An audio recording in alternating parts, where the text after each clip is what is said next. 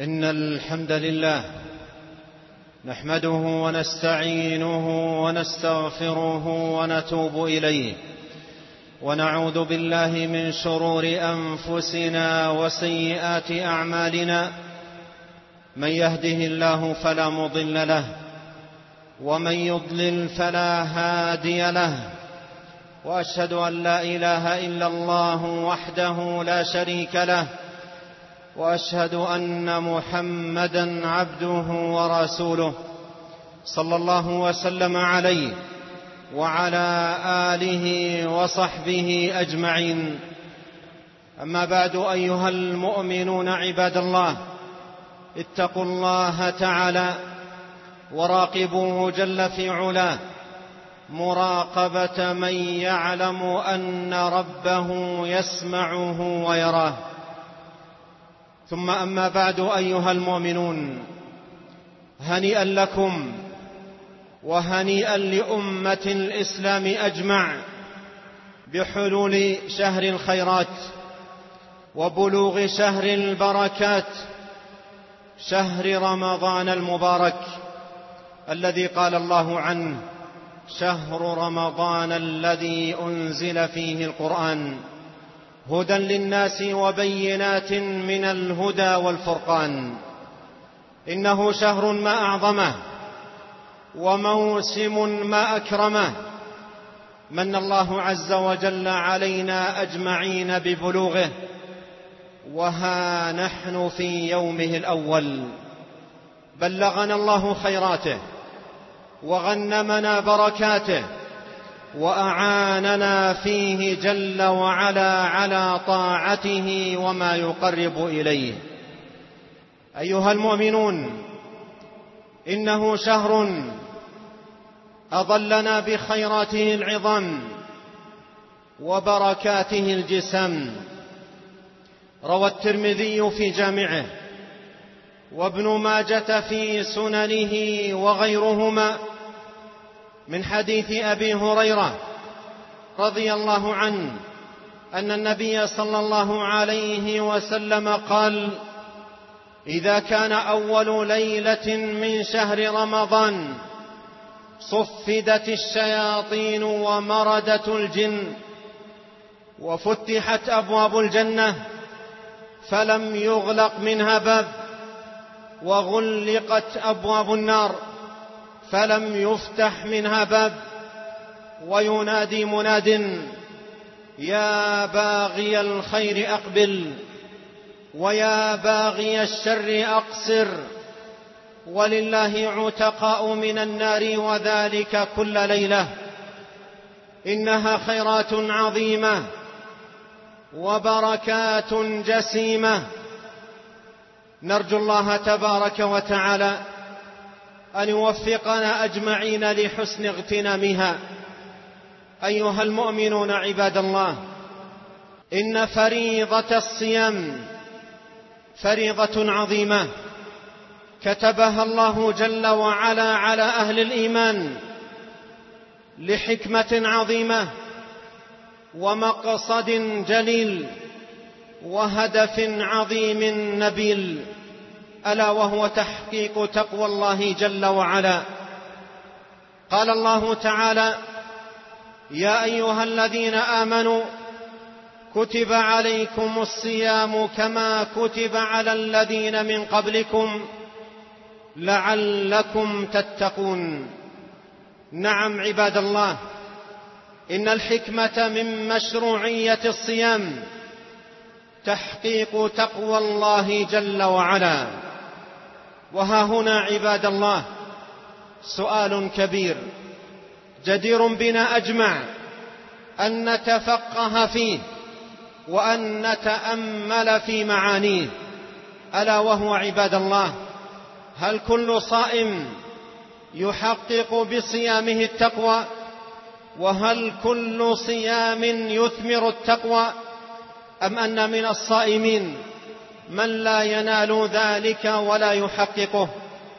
إذا تأملنا عباد الله في هذا المقام العظيم ما خرجه الإمام أحمد في مسنده وغيره من حديث أبي هريرة عن النبي صلى الله عليه وسلم أنه قال كم من صائم ليس له من صيامه إلا الجوع وكم من قائم ليس له من قيامه إلا السهر.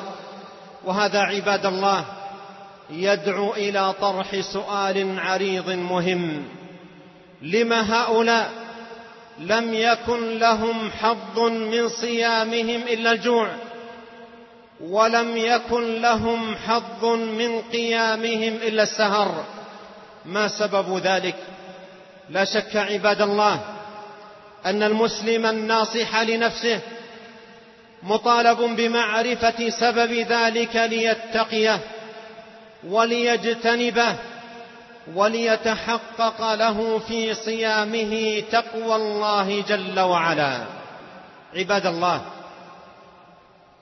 وإذا قال قائل ما الذي إذا فعلته تحقق لي في صيامي تقوى الله جل وعلا؟ وفزت بخيرات الصيام وبركاته وثمراته وأجوره. فجواب ذلك عباد الله يتلخص في أمرين عظيمين. ومطلبين جليلين. من حققهما فاز بذلك فوزا عظيما. أما الأول عباد الله فهو أن يعمل الصائم على تحقيق صيامه وتتميمه وتكميله بأن يقع منه خالصا لله تبارك وتعالى لا رياء ولا سمعة معتقدا ومصدقا بفرضيته ومصدقا بعظيم ثوابه وجزيل موعوده وراجيا بصيامه ومحتسبا ما عند الله. روى البخاري ومسلم في صحيحيهما عن أبي هريرة رضي الله عنه قال قال رسول الله صلى الله عليه وسلم من صام رمضان إيمانا واحتسابا غفر له ما تقدم من ذنبه قيد نيل الثواب وتحصيل الأجر بأن يقع الصيام إيمانا واحتسابا. ومعنى إيمانا أي بالله عز وجل وتصديقا بفرضية الصيام وتصديقا بعظيم أجوره عند الله. ومعنى احتسابا أي مخلصا بعمله لله راجيا به ثواب الله. طامعا بأدائه الفوز برضا الله. لا يبغي بذلك شيئا آخر وإنما يصوم يرجو رحمة الله والفوز بعظيم ثوابه. أما الأمر الثاني عباد الله فهو أن يعمل الصائم على صيانة صيامه وحفظه فإن ثمة امورا عديدات تخدش الصيام وتنقص أجره وتفسد ثوابه وتجني على فاعله جنايات عظام. فالصائم عباد الله مطلوب منه أن يعمل على صيانة صيامه وحفظه رعاية له من النواقص والمفسدات والمبطلات. وقد جاء في ذلكم عن نبينا صلى الله عليه وسلم أحاديث تقرر هذا المعنى وتدل عليه.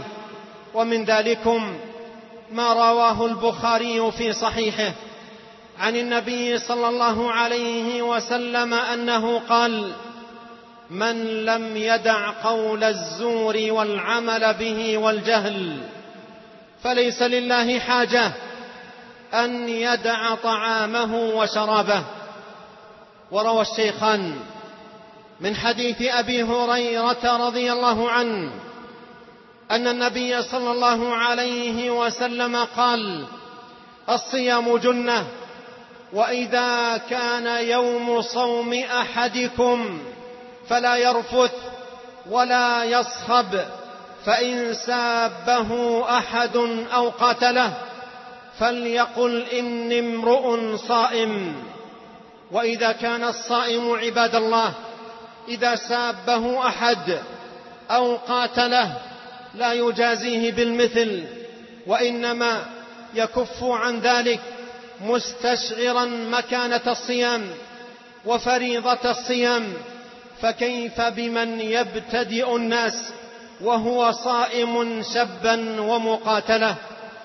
أيها المؤمنون عباد الله وإذا كان الصيام الذي افترضه الله علينا في نهار رمضان صيام عن الطعام والشرب والوقاع فإن ثمة صيام مطلوب من العبد المسلم في كل وقت وحين. لا يختص بشهر رمضان ولا يختص بليل أو نهار.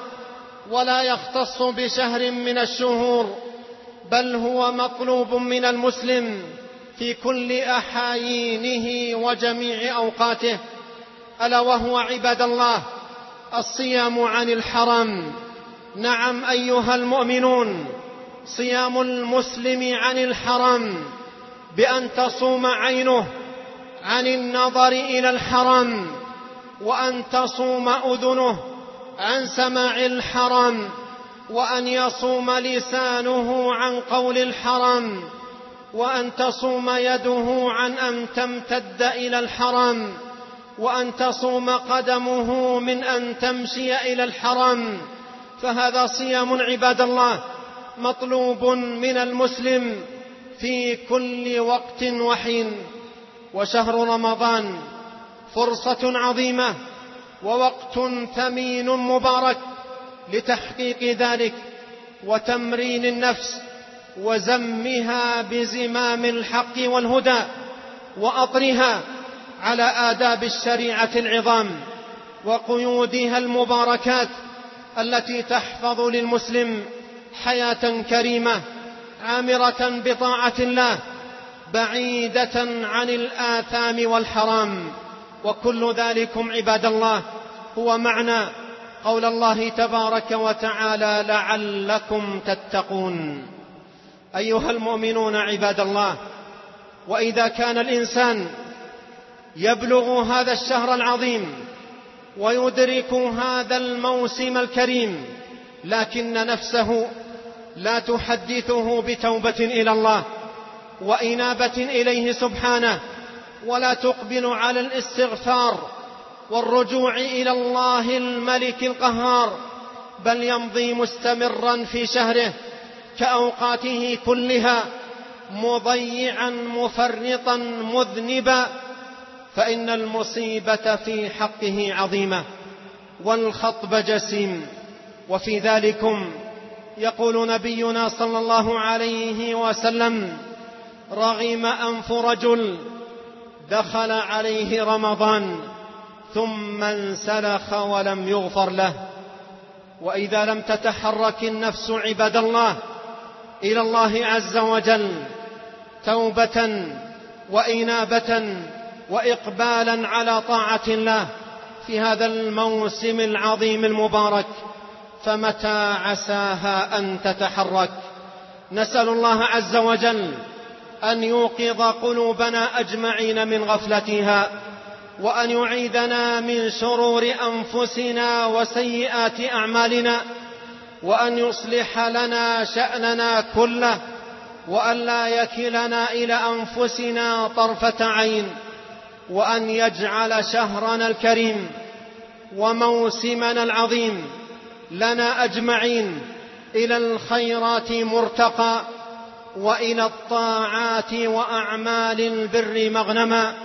نسأل الله جل وعلا أن يوفقنا أجمعين لحسن قيامه وحسن صيامه وأن يقينا الآثام والذنوب وأن يوفقنا لهداه وأن يعيننا على ذكره وشكره وحسن عبادته. أقول هذا القول وأستغفر الله لي ولكم ولسائر المسلمين من كل ذنب فاستغفروه يغفر لكم إنه هو الغفور الرحيم.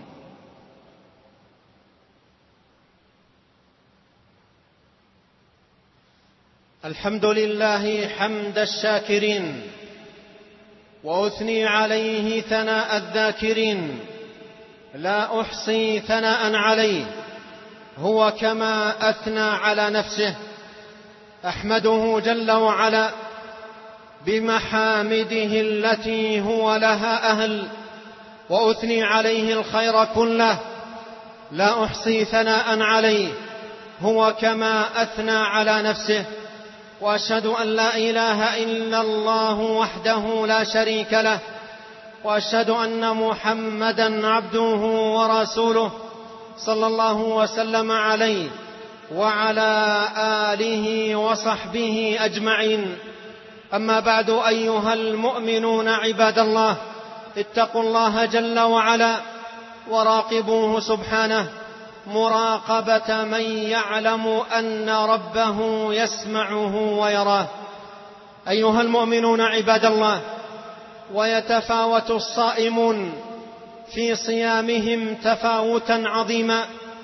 بحسب تحقيقهم للصيام وتحقيقهم لذكر الله جل وعلا فيه فإن مقصود الصيام بل مقصود كل طاعة إقامة ذكر الله تبارك وتعالى فأعظم المسلمين أجرا في كل طاعة أعظمهم فيها ذكرا لله تبارك وتعالى. روى الإمام أحمد عن معاذ بن أنس الجهني رضي الله عنه أن رجلا سأل النبي صلى الله عليه وسلم أي الصائمين أعظم اجرا قال أكثرهم لله ذكرا ثم سأله في ذلك عن الصلاة والصدقة والحج والزكاة وغير ذلك. في كل ذلكم يقول عليه الصلاة والسلام أعظمهم لله ذكرا وأخذ أهل العلم من ذلك قاعدة جامعة ألا وهي أن أعظم الناس أجرا في كل طاعة أكثرهم لله ذكرا فيها. فلنعمر أيام صيامنا عباد الله بذكر الله جل وعلا وقراءة القرآن ودعائه ومناجاته. والمحافظة على طاعته وما يقرب إليه وقراءة كتب العلم التي تعمر قلب المسلم بالفائدة العظيمة والنور والضياء. نسأل الله جل وعلا أن يعيننا أجمعين في شهرنا هذا على ذكره وشكره وحسن عبادته وأن يصلح لنا شأننا كله وأن لا يكلنا إلى أنفسنا طرفة عين وأن يجعل هذا الشهر الكريم باب خير وبركة على المسلمين في كل مكان عزا وتمكينا وحفظا وصيانة ودفعا ودرءا لعدى أعداء الدين. عسى الله أن يكف في هذا الموسم العظيم بأس الذين كفروا والله أشد بأسا وأشد تنكيلا. وعسى الله جل وعلا أن يمن على المسلمين ولا سيما من كان مصابا في بلده بنكبات عظام وبلايا جسام أن يجعل لهم في هذا الشهر الفضيل فرجا ومخرجا وتيسيرا وحفظا. اللهم اجعله شهر عز للإسلام والمسلمين. اللهم اجعله شهر خيرات وبركات على عموم المؤمنين. اللهم غنمنا وإياهم أجمعين. خيرات هذا الشهر وبركاته يا رب العالمين. وصلوا وسلموا رعاكم الله على محمد بن عبد الله كما أمركم الله بذلك في كتابه. فقال سبحانه إن الله وملائكته يصلون على النبي. يا أيها الذين آمنوا صلوا عليه وسلموا تسليما. وقال صلى الله عليه وسلم من صلى علي واحدة صلى الله عليه بها عشرا. اللهم صل على محمد وعلى آل محمد كما صليت على إبراهيم وعلى آل إبراهيم إنك حميد مجيد. وبارك على محمد وعلى آل محمد كما باركت على إبراهيم وعلى آل إبراهيم إنك حميد مجيد. وارض اللهم عن الخلفاء الراشدين الأئمة المهديين أبي بكر وعمر وعثمان وعلي وارض اللهم عن الصحابة أجمعين وعن التابعين ومن تبعهم بإحسان إلى يوم الدين وعنا معهم بمنك وكرمك وإحسانك يا أكرم الأكرمين. اللهم أعز الإسلام والمسلمين. اللهم أعز الإسلام والمسلمين. اللهم أعز الإسلام والمسلمين. اللهم انصر من نصر دينك وكتابك وسنة نبيك محمد صلى الله عليه وسلم. اللهم انصر اخواننا المسلمين المستضعفين في كل مكان. اللهم انصرهم في أرض الشام وفي كل مكان. اللهم كن لهم ناصرا ومعينا وحافظا ومؤيدا. اللهم آمن روعاتهم واستر عوراتهم. اللهم واحفظهم بما تحفظ به عبادك الصالحين. اللهم واحقن دماءهم يا رب العالمين. اللهم احفظهم من بين أيديهم ومن خلفهم وعن أيمانهم وعن شمائلهم. اللهم وعليك بأعداء الدين فإنهم لا يعجزونك. اللهم إنا نجعلك في نحورهم ونعوذ بك اللهم من شرورهم. اللهم من أرادنا أو أراد إخواننا المسلمين في كل مكان بشر وسوء فاجعل كيده في نحره. واجعل تدبيره تدميره إله الحق. اللهم آمنا في أوطاننا وأصلح أئمتنا وولاة أمورنا. واجعل ولايتنا في من خافك واتقاك واتبع رضاك يا رب العالمين. اللهم وفق ولي أمرنا لرضاك وأعنه على طاعتك. وسدده في أقواله وأعماله. وألبسه ثوب الصحة والعافية. وارزقه البطانة الصالحة الناصحة. اللهم وفق جميع ولاة أمر المسلمين للعمل بكتابك وتحكيم شرعك واتباع سنة نبيك صلى الله عليه وسلم. اللهم ول عليهم خيارهم واصرف عنهم شرارهم يا ذا الجلال والإكرام. اللهم آت نفوسنا تقواها وزكها أنت خير من زكاها أنت وليها ومولاها. اللهم إنا نسألك الهدى والتقى والعفة والغنى. اللهم أصلح ذات بيننا وألف بين قلوبنا وأهدنا سبل السلام وأخرجنا من الظلمات إلى النور وبارك لنا في أسماعنا وأبصارنا وأزواجنا وذرياتنا وأموالنا وأوقاتنا واجعلنا مباركين أينما كنا اللهم أصلح لنا شأننا كله ولا تكلنا إلى أنفسنا طرفة عين ربنا إنا ظلمنا أنفسنا وإن لم تغفر لنا وترحمنا لنكونن من الخاسرين. ربنا آتنا في الدنيا حسنة وفي الآخرة حسنة وقنا عذاب النار. عباد الله اذكروا الله يذكركم واشكروه على نعمه يزدكم ولذكر الله أكبر والله يعلم ما تصنعون.